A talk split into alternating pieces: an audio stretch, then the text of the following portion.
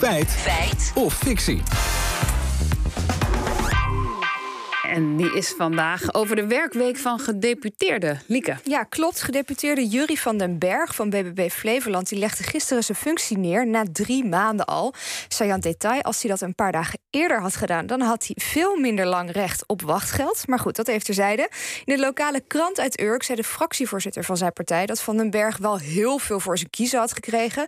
Zo planden zijn ambtenaren de agenda van de gedeputeerden... met 100 uur per week vol. Zo, dat is uh, meer dan fulltime, zou ik mhm. zeggen hoeveel uur werk je dan door de week? Nou, als hij in het weekend zou doorwerken, dan besteedt hij ongeveer 14 uur per dag aan zijn werk. Nou, het kan niet anders dan dat daar inderdaad dan een enorme werkdruk bij komt kijken. En sta je ook heel vroeg op en dan ga je heel laat naar Zeker, ja. En weinig eten en slapen inderdaad. Iemand die weet hoe het is om gedeputeerde te zijn, is CDA Madeleine van Torenburg. Zij was gedeputeerde in Limburg.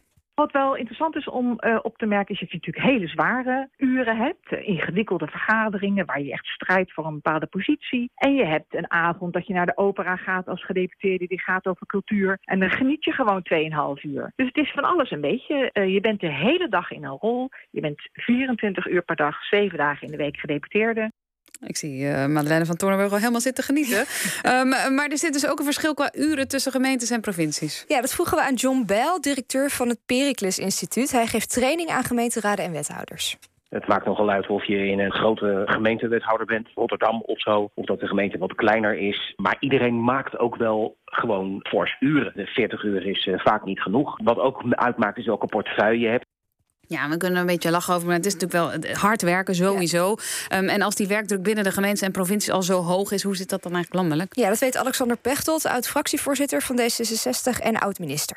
Als minister sta je 24-7 wel aan, maar je slaapt natuurlijk ook en dat is heel verstandig. Maar je voelt niet alles als werk. Hè? Als je de krant leest, dan doe je dat ter ontspanning, maar ook professioneel. Ja, is dat nou werk? Het is een roeping. En als je dat leuk vindt, beschouw je ook niet alles als werk. Ja, Pechtel stond dus ook 24-7 aan.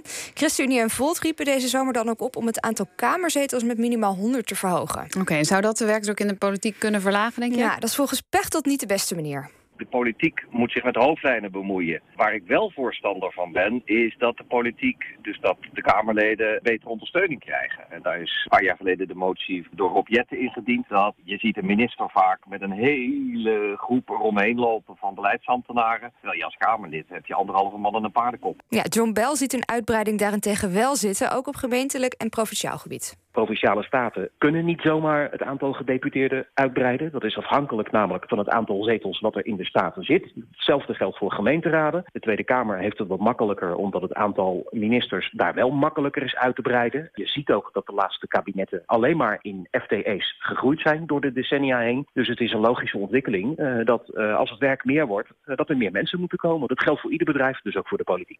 Oké, okay, concluderend. Werken gedeputeerden 100 uur per week was ja, de vraag. We lieten uitgedeputeerde Madeleine van Torenburg een rekensommetje maken van haar gemiddelde werkweek destijds. Nou, als ik het zo'n beetje in moet schatten, werkte ik denk ik vier dagen. Zo van s morgens acht uur tot gemiddeld s avonds acht uur. De ene keer wat langer, de keer wat korter. Eén dag in de week merkte ik meestal in de buurt, thuis of heel dichtbij. Dat is meestal zo van negen tot vijf, dus komen er acht uur bij. Ene weekend ben je de hele dag in touw, de andere weekend heb je wat wat rustiger. Dus doen we daar het gemiddeld acht uur. Dus als ik het sommetje snel maak, nou, je komt al snel boven de 60 uur. Ja, we hebben vandaag meerdere oud-ministers en oud-gedeputeerden gesproken. In een drukke werkweek maken sommigen wel eens 70 uur. is natuurlijk enorm veel, maar 100 uur is wel overdreven. Dus het is fictie.